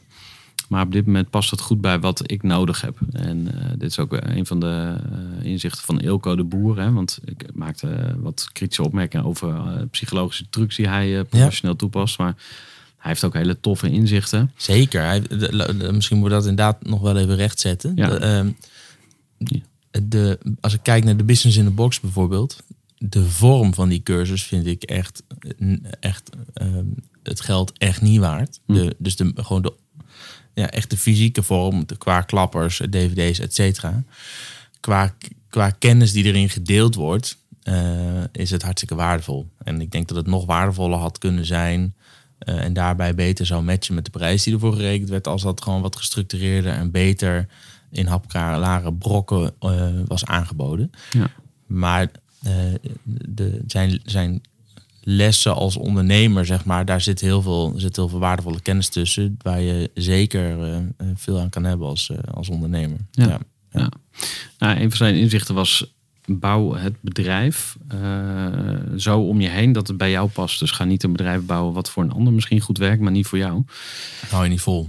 Nee, het is, eh, en, en eh, er is ook niet één manier. En ehm, ik vroeg jou van, heb je vrede gesloten met je eigen, nou, ik wou, dus ik wou zeggen gebrek aan focus, maar dat, dat, is, dat is niet helemaal terecht natuurlijk. Maar eh, eigenlijk was ik aan het projecteren van, Ja. ik vind het ook superleuk om, Ja. om veel verschillende dingen te Ja, doen. dat is voor kan mij je- een bewuste keuze. Ja. ja, precies. En dan kan je zeggen van ja, nee shit, ik zit de hele tijd in de fout en ik moet het niet doen. En ik moet eigenlijk alleen maar peper pand groot maken en de rest mag. eh, weet je, jezelf heel veel ontzeggen. Of zeg gewoon van joh, ik ben Jelle Drijver, ik ben ondernemer en eh, ik hoop het nog heel lang te doen.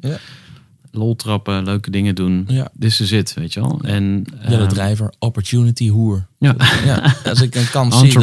Entrepreneur. Entrepreneur, ja. ja. Als ik een leuke kans zie, dan denk ik goed over na. En dan, maar ik heb heel veel dingen afgestoten. Ja. Dus ik heb behalve mega exposure afbouw, heb ik ook heel veel andere dingen gewoon streep door. Dat ga ik niet Ja. doen. Domeinnamen waarvan ik dacht, oh, dat is echt een te gek eh, Ja. business. Gewoon eh, opgezegd. Dan ga ik er iets mee doen. Nee, nou, Ja. dan gun ik het aan een ander. Waarom zou ik hem dan vasthouden? Weg ermee. Dus, ik, dus ik, ik heb wel degelijk. eh, dus de, de, de samenstelling van de activiteiten nu is een hele bewuste keuze. En ik ben heel terughoudend om daar weer nieuwe dingen aan toe te voegen. Dan zal er iets anders weg moeten. En ik zou niet weten wat ik, wat ik nu nog weg zou willen doen. Mm. Je zou peper in je pand kunnen verkopen. Maar dan zou ik eh, een andere... Maar dat vind ik veel ja. te leuk. Ja. Nee joh, dat wil ik helemaal nog niet. Nee, nee. Dat is, eh, oké, of, eh, en misschien bij een echt, echt astronomische bedragen dat ik erover na ga denken. Maar ik zou het helemaal niet willen. Hm. Ik, heb, ik vind het echt veel te tof. speeltuin. Ja, maar eh, wat jij zei... dat je, speeltuin, maar... Ja, ja, nee, maar wat jij zegt, eh, dat je eh, eh, door jouw podcast eh, elke keer met eh, mensen in gesprek kan, dat je daardoor geïnspireerd raakt, et cetera. Nou, ik maak de podcast, maar door Peperie Pand, we hebben honderden huurders inmiddels en het zijn allemaal ondernemers. En die Ja. spreek ik, ik spreek elke dag, spreek ik toffe ondernemers over van alles en nog wat. Ja, dat vind ik echt te gek. Ja. Nee, dus ik vind, het, ik vind het oprecht veel te leuk. En we zijn nu, we hebben Dot Slash overgenomen per 1 april hier in, in Utrecht. De start-up hub van de regio, om dat verder uit te bouwen nog. En daar komt, dat, daar, daarmee gaan we eind dit jaar doorgroeien naar zo'n 15.000 vierkante meter eh, bedrijfsverzamel. eh, met een eh, focus op start-ups en scale-ups. Met hele toffe partners waar we heel graag nog meer partners bij willen laten aanhaken. Dus nu hebben we bijvoorbeeld Walvis Venture Capital, SHV, Capgemini, Rabobank, Philadelphia, gemeente Utrecht, Startup Utrecht. die hebben we al aangesloten.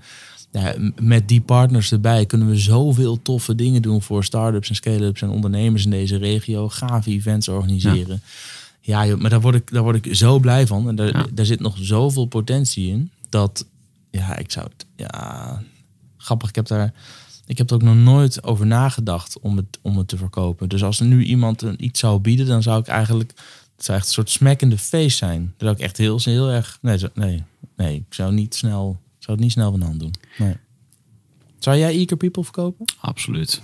Ja, als, het- als, het- if the price is right. Sorry guys. Nee. Ja, nee, maar Eh, if the price is right, dan Nee, maar kijk, het is, kijk, eh Eager People is nu eh, in die zin aan de kleine kant, zeg maar. Een, een, een partij die zo'n bedrijf koopt in de arbeidsbemiddeling, die wil een bepaald volume kopen, zeg maar. Of ze willen het eh, koud stellen, dus gewoon kapot maken. Ja. Of ze willen het ehm, eh, als label gebruiken, zeg maar van hey, eh, leuk, we zijn een gevestigd bedrijf, maar we zoeken een soort junior of een, een, een fris jong Ja. label. Dat zou kunnen. Ehm, maar ik heb wel met die mindset, jouw vraag was van... had je dit tien jaar geleden bedacht. ja. nee, het antwoord is nee. Maar ik heb wel twee, tweeënhalf jaar er naartoe gewerkt om het bedrijf zelfstandig te maken. En waarom ik het belangrijk vind, en daar heb ik dus ook andere ondernemers bij, eh, om die mindset te hebben van in principe heeft het bedrijf mij niet nodig. Mhm. En het wordt een keuze om te gaan werken in plaats van een verplichting. Ja. En dat is natuurlijk eh, geen nieuw idee. Hè. Daar hoor je heel veel andere business coaches ook over van eh, vrijheid. Tony Loorbach heeft het ook altijd over. Hè. Ja. Ehm, eh, hoe, hoe creëer je vrijheid voor jezelf? Nou, door een bedrijf te bouwen waarbij eh, je zoveel waarde toevoegt en, en het, het verdienmodel dus ook passend is. Dat je in principe niet nodig bent. Dus dat het een keuze wordt of je wel of niet aan boord blijft van je Ja. eigen bedrijf. Ja. Eh, verborgen armoede onder ondernemers. Zo. Ehm, eh, misschien ken je die chick van Profit First wel. Ja, eh, zij heeft het boek niet geschreven. Dat is Mike McAllowich, een Amerikaan. Die heeft een boek geschreven, Profit First. En eh, eigenlijk zegt hij... ehm, wat traditioneel boekenhouden doet, is omzet min kosten is Ja. winst. En Profit First gaat uit van omzet, winst en wat je overhoudt zijn kosten. Dus eh, je gaat eigenlijk eerst eh, vanuit de omzet ga je jezelf betalen. Dus je zegt Ja. van nou, ik heb bijvoorbeeld een miljoen omzet, ik wil 10% winst, dus een ton, die is voor mij. Ja. Dan gaan vervolgens daar eh, de kosten vanaf en de belastingen en de ondernemersbeloning. Dus winst is ook gescheiden van ondernemersbeloning. Ja. En ehm, nou ja, goed, het is echt een, een, ehm, ehm, een, een hele andere manier van denken. Vind jij het een goede manier? Ehm ligt eraan hoe je het implementeert. Fe- Femke Hogema, want zij is dan de Nederlandse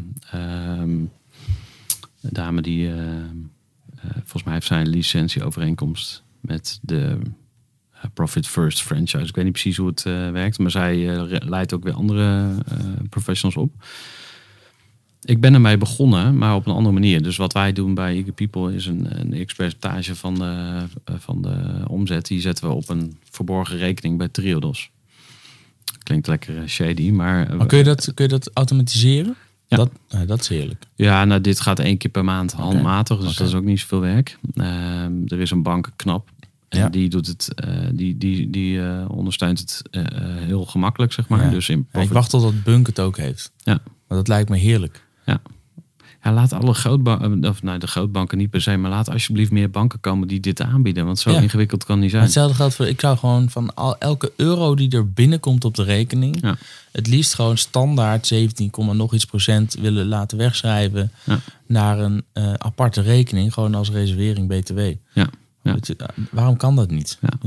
Dat en dat, ja. Ja, nou, ik wil soort bankdirecteuren van Nederland oproepen om, eh, om deze vraag te beantwoorden in de Ja, comments. als ik dit tegen, Nick, van, eh, tegen Ali Nicknam zeg, dan zegt hij misschien wel, eh, joh Jelle, als je weer 100 mensen kan vinden die dit tof vinden, dan gaan we het bouwen. Zo heeft hij ook Oh ja? Ja, dat was bij. Ik, ik zei op een gegeven moment: waarom kan ik niet gewoon eh bunk.me slash Jelle Drijver delen met mensen? Als mensen daar dan op klikken, komen ze gewoon op een pagina waar ze een bedrag in kunnen vullen en betalen met Ideal. Ja. En toen zei hij: eh, nou, als je 100 mensen vindt die dat ook graag zou willen hebben, dan ga ik het voor je bouwen, beloofd. Cool. Nou, twee dagen later hadden we ruim 100 Zo. mensen die zeiden: wil ik. En toen heeft hij het gebouwd. Dat was tof. Ja. Maar dat is dus een ondernemer die nog aan het roer staat eh, van een bank. ja, Bunk. Ja, Ja, precies, De, de ja. tofste bank, eh, wat mij betreft. Ja. Ja. Lekker bezig. Cool. Ehm, Profit first, is het een goede? Dus jij zei, een een percentage schrijven we elke maand naar een verborgen rekening bij Triodos. En dat Ja. doe je omdat? nou, omdat eh, uit het oog, uit het hart. En dat werkt in dit geval in je voordeel. Dus als je het niet ziet, dan ga je het ook niet, eh, niet zo snel uitgeven. dat is heel herkenbaar. Ik heb zo'n spaarrekening. Ja. Gewoon, en die staat Ja. niet in mijn lijstje met rekeningen als ik hem op een app openen. Maar hij is er wel. Ja. En daardoor komt het gewoon echt niet in me op. Het is pas als ik echt in de problemen zou komen, dan denk ik dat ik denk, oh, maar ik heb ook nog die rekening. Het komt gewoon niet in me op. Nee. om, dat, om daar aan te zitten.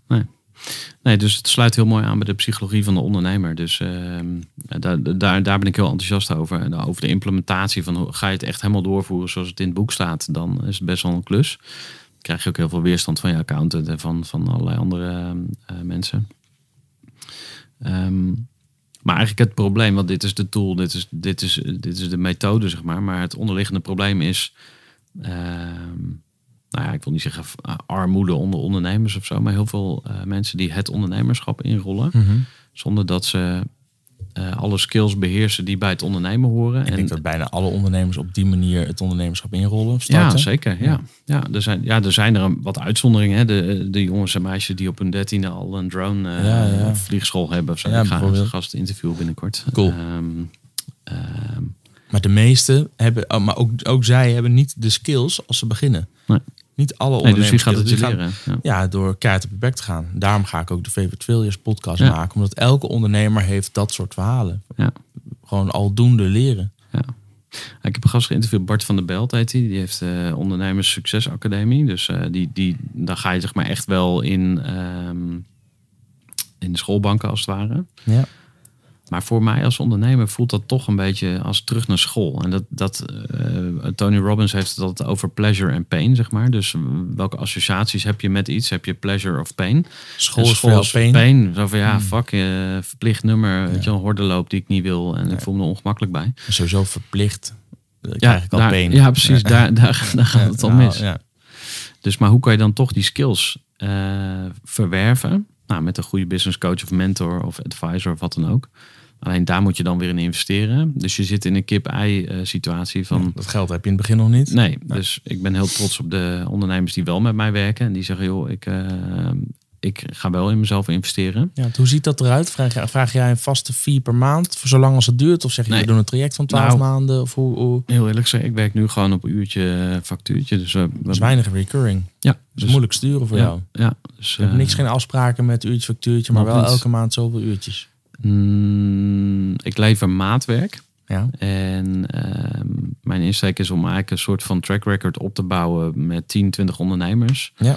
Waarbij ik kan laten zien dat ik echt hun business geupgrade heb. Dus Ja. eh, er is een voor- en een na-situatie. Nulmeting. Ja, eh, toen we gingen samenwerken, werkte je 50 uur per week en je verdiende 2000 per maand. Ja. En een jaar later eh, ging je terug naar 32 uur, maar je bent wel 3000 per maand gaan verdienen. Een beetje die, die richting, denk ik. Ja. Mijn kind nemen. Nou, die tip Ja, kun ook je 32 sowieso meenemen. eh, nemen is natuurlijk, die, die, die neem je niet, die koop je. Zoals Ja. Eh, eh, Daniel Arets, eh, geadopteerde Dat Indonesische is ook een mooie jongen, kerel trouwens. Heb je Ja, die keer geïnterviewd? Nee, dat zou ik heel graag willen. Ja. Ja. Ja, Ik ken Hij- wel iemand die, dat bedenk me, ik ken iemand die hem kent. Ja. Ehm, dus ik, ik zal eens kijken of ik hem, dat vind ik te gek. Ik zag die poster hangen van, hij heeft een nieuwe show gemaakt, meer van hetzelfde. En dan, sta, dan staat hij, eh, net als Wibi Soyabi, staat hij, zit hij in zo'n zo'n fout wit pak achter een piano of zo, weet je wel. Dan staat de titel van de show, meer van hetzelfde. Die neemt Lekker. zichzelf zo geweldig op de ja, hak. heerlijk. En ja. politiek incorrect. Dat is Ja. eigenlijk mijn humor ook. Ja. Ehm, maar goed, jouw ondernemerstip, eh, neem een kind, dan ga je zelf eh, minder werken. Nou ja, je moet en dan- hopelijk meer verdienen. Ja, weet je, je hebt met heel veel andere dingen. Maar met een kind heb je je hebt geen keus. Dat, je, de- en dat, geeft niet. Het voelt ook namelijk helemaal niet Ja. als een straf. Ik vind het fantastisch om voor die kleine te zorgen. Maar dat maakt wel dat ik dus mijn werkend leven anders moet indelen. Ja. En, en ehm, dat maakt wel dat ik dus nu inderdaad 32 uur ongeveer per week probeer te werken. Het zijn Ja. er wel iets meer. Maar in elk geval in vier maandag tot en met donderdag ben ik eh, in principe is, is dat mijn werkweek. En, en eh, dat levert me nu veel meer op dan in de, nou misschien wel 60 eh, af en toe uitschieters daarvoor Ja. per week. Ik hoorde laatst een leuk interview met Femke Hogema, dus die, die Ja, dan de Profit Profit First, First, in, ja. in Nederland doet. En ze werd geïnterviewd in de... ehm, Jezus, ik heb echt te weinig geslapen, man. ja. ja, neem geen kleine, is dan de tip. Nee, precies. Of nemen we een PA die eh souffleert. Ehm, de Transformatie-podcast van Jeannette de Geus. Ja. Jeannette, als je luistert, ik eh, hoop je binnenkort te ontmoeten eh, tijdens een eh, leuke podcastgesprek. Leuk. Zoals ik nu ook met Jelle Drijver zit. Ja. Ehm, maar zij had dus een heel leuk gesprek met Femke Hoogma. En toen ging het over de wet van Parkinson. En die zegt dat alle beschikbare ruimte wordt altijd benut. Dus Ja. als jij geld over hebt, ga je het uitgeven. En zo werkt het ook met tijd. Ehm, dus ja, als je het hebt, ja, dan ga je het eh, Ja. spenderen. Daarom stort ik het geld dat ik over heb op die onzichtbare spaarrekening. Ja. ja. Nee, maar dat, dat, ik geloof ook dat dat zo is. Dit is ook aan bod gekomen in aflevering 105, zeg ik uit mijn hoofd. Aha, Met Matthijs Raume. Die heeft inderdaad ook over de wet van Parkinson. Dat je, je neemt de ruimte. De ruimte die je jezelf gunt, die gebruik je ook. Dus Ja. als ik nu ga achter mijn computer kruip. En ik weet dat ik eh, over een kwartier weer een afspraak heb. Ik noem maar wat. En ik gun mezelf vijf minuten om mijn inbox bij te werken. ja. Dan eh, lukt dat. Als ik me 10 minuten geef, dan lukt het ook. Dan zijn de mailtjes langer, uitgebreider. Ja. Eh, ga ik eh, misschien minder belangrijke mailtjes toch beantwoorden. Terwijl als ik nu zeg 5 minuten, dan ga ik gewoon dat doen wat er echt moet gebeuren en de rest doe ik niet. Ja.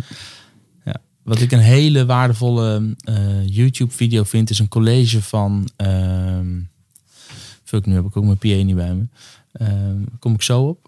Eh, in Carnegie Mellon wordt die gegeven. En dat is een lezing over time management. En die lezing wordt gegeven door een professor met kanker. Terminaal, dus die, eh, time management. Wow. En eh, time is running out.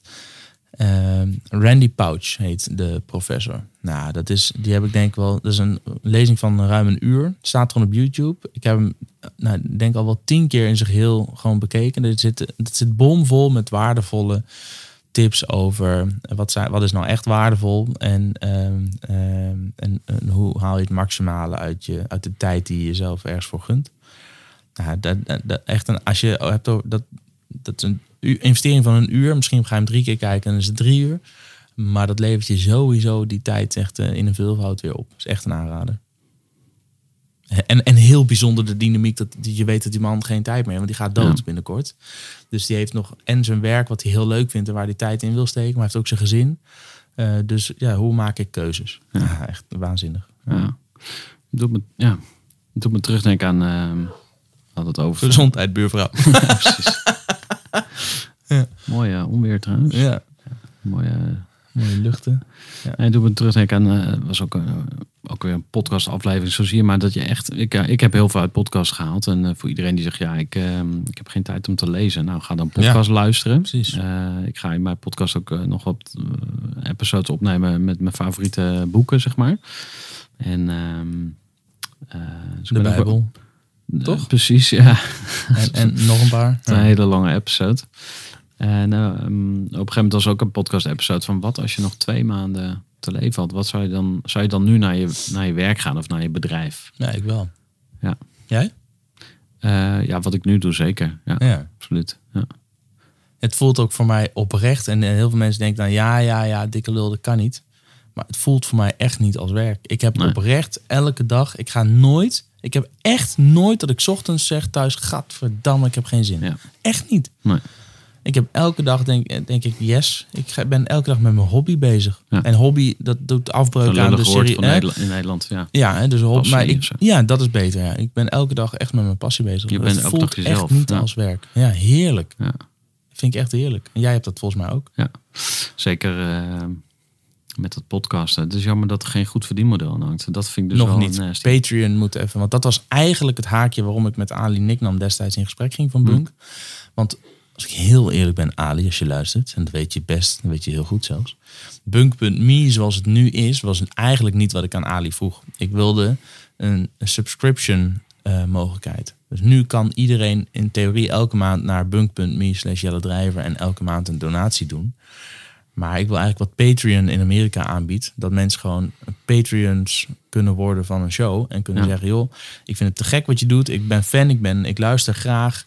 Ehm, ik wil wel 2 euro per maand gewoon bijdragen. Weet je, het is maar 2 euro. Maar eh, blijf dit vooral doen. En de Ja. ander doet 10 en de ander doet misschien 100. En die wordt dan, eh, bij Adam Curry word je dan eh, knight. Hè, dan word je een ridder in de orde van eh, Adam Curry.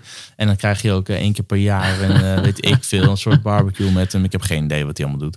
Maar dan, hè, dus je kunt op die manier terugkerend mensen een donatie laten doen. Ja. En dat is heel slim. Want dan, en, en Mhm. Adam Curry krijgt gewoon elke maand gewoon een aantal, volgens mij duizenden dollars, gewoon terugkerend, Ja. van mensen die zijn show te gek vinden. Ja.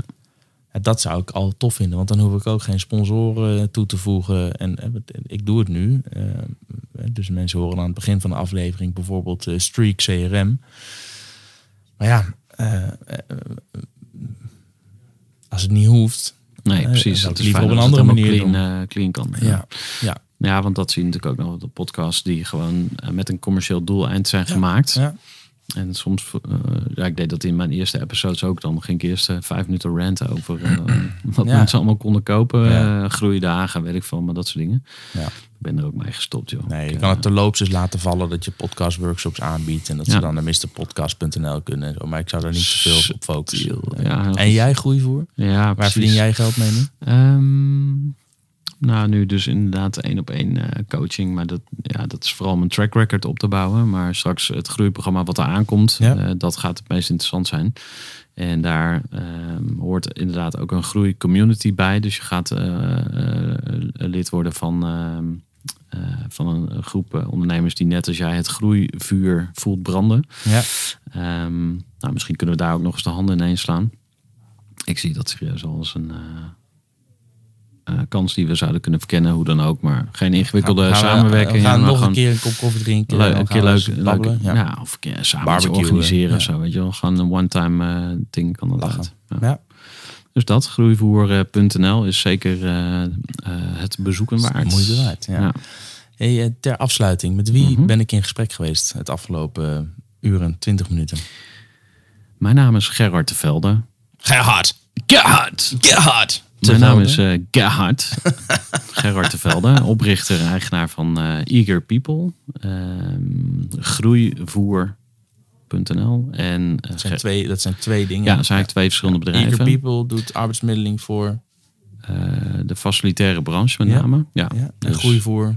En Groeivoer is een groeibedrijf. Helpt bedrijven, met name ondernemers, groeien. Ja, je bent vader.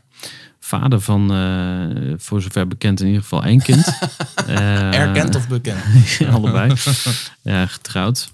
In de Achterhoek, waar jij vandaan komt. Oh, waar ben je getrouwd dan? In eh Groenlo, Oh, waar je eigenlijk in. Zwolle. Dika. Ja. Dat, had, de dik zo volgens mij. Ah, In Groenlo. aha. Toch of niet?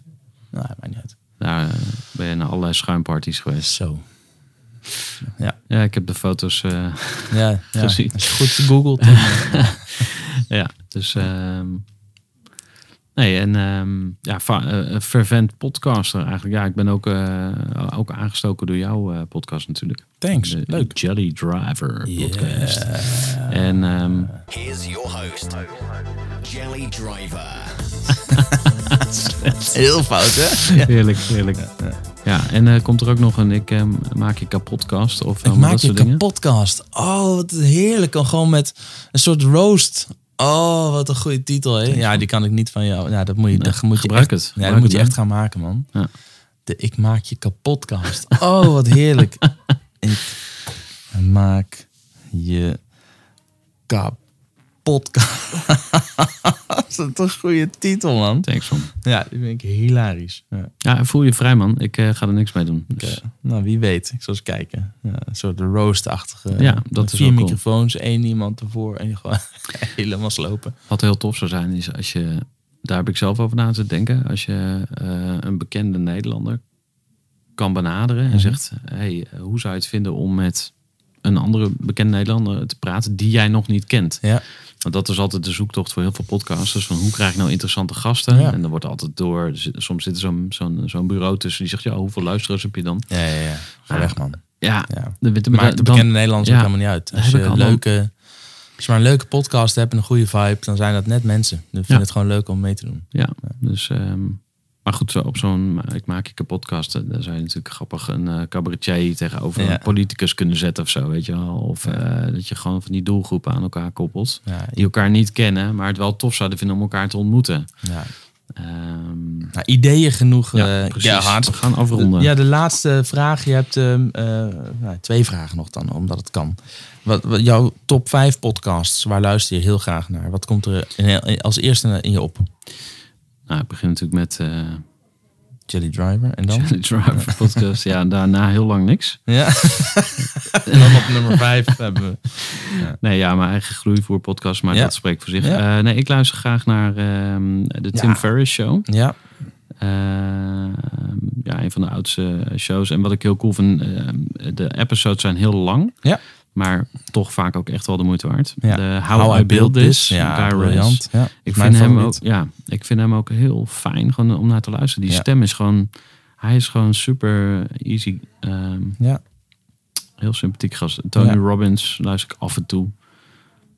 Als ik een keer even zin heb in dat smaakje, weet je wel. Ja. Ehm, Maar het is dus niet een eentje waar je echt, echt vast naar luistert. Zeg Nee. maar. Big Questions kan ik wel aanraden van Kel Vastman. En ehm, ja, de transformatiepodcast luister ik momenteel van eh, Jeannette de Geus, Master of Science. Dat vraag ik me dus ook altijd af waar mensen dan Master of Science erbij zetten. En volgens mij heb ik laatst, zij heeft toch laatst ook, ehm, even terugkijken, heeft zij niet Suzanne van Schaik geïnterviewd? Patrick Kikken. Ja, dat, misschien, ook misschien vergis ik me, maar dat dacht ik. Nee. Kim Holland, wat leuk, lachen. Ja, die heb ik nog niet afgewerkt, maar die zou ik ook wel in de show Je hebt Kim willen. Holland nog niet afgewerkt? Oké, Gerard. Dankjewel man. Hey, ik vergeet Thijs Linta nog. Thijs, als je luistert. eh, ik kom ga een met keer in Thijs de ook- show. Ja, ik ga Ja. met Thijs een keer podcasten. Ja, eh, deze Weet Thijs zomer. dat ook al? Ja. Oké, Ja, ja, hij heeft Ja. al toegezegd. Ehm, wat, dan wil ik misschien nog wel mee afsluiten. Ehm,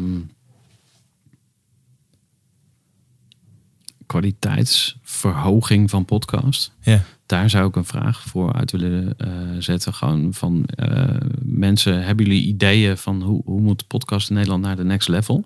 Hm. Zowel qua hoeveelheden luisteraars. Want er zijn nog steeds heel veel mensen die het niet kennen en een beetje glazig kijken van podcast. Wat is dat? Dus ik zou het wel uit de niche willen hebben.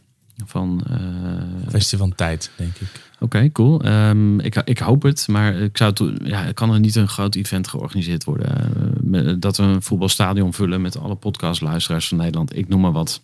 En daar live gaan podcasten en daar eh, hele fancy shit doen of zo. Eh, dus dat is kwantiteit en ander, andere is kwaliteit. Dus hoe, hoe denken de luisteraars dat ehm, het naar de next level kan? En dan heb ik het niet alleen over audio-kwaliteit en eh, tunes en jingles, zeg maar. Maar wat kan je nog meer doen? En ehm, nou, daar ga ik vannacht ook nog over eh, nadenken. Ja, terwijl je de fles geeft. Precies. Goed man. Thanks, man. Ja, Ja, ook, nee, dat was dankjewel. eh, leuk, eh, Jelle. Vond ik ook. Moeten we nog een keer doen. Check. Jelly Driver Podcast. Je hebt hem weer achter de kiezen, deze aflevering van de Jelly Driver podcast. Vond je het leuk? Laat een positieve review achter op iTunes. Dat vind ik dan weer leuk. En wil je meer? Abonneer. Voor meer informatie over mij en mijn podcast kijk je op jelledrijver.nl. Dankjewel voor het luisteren en tot de volgende podcast.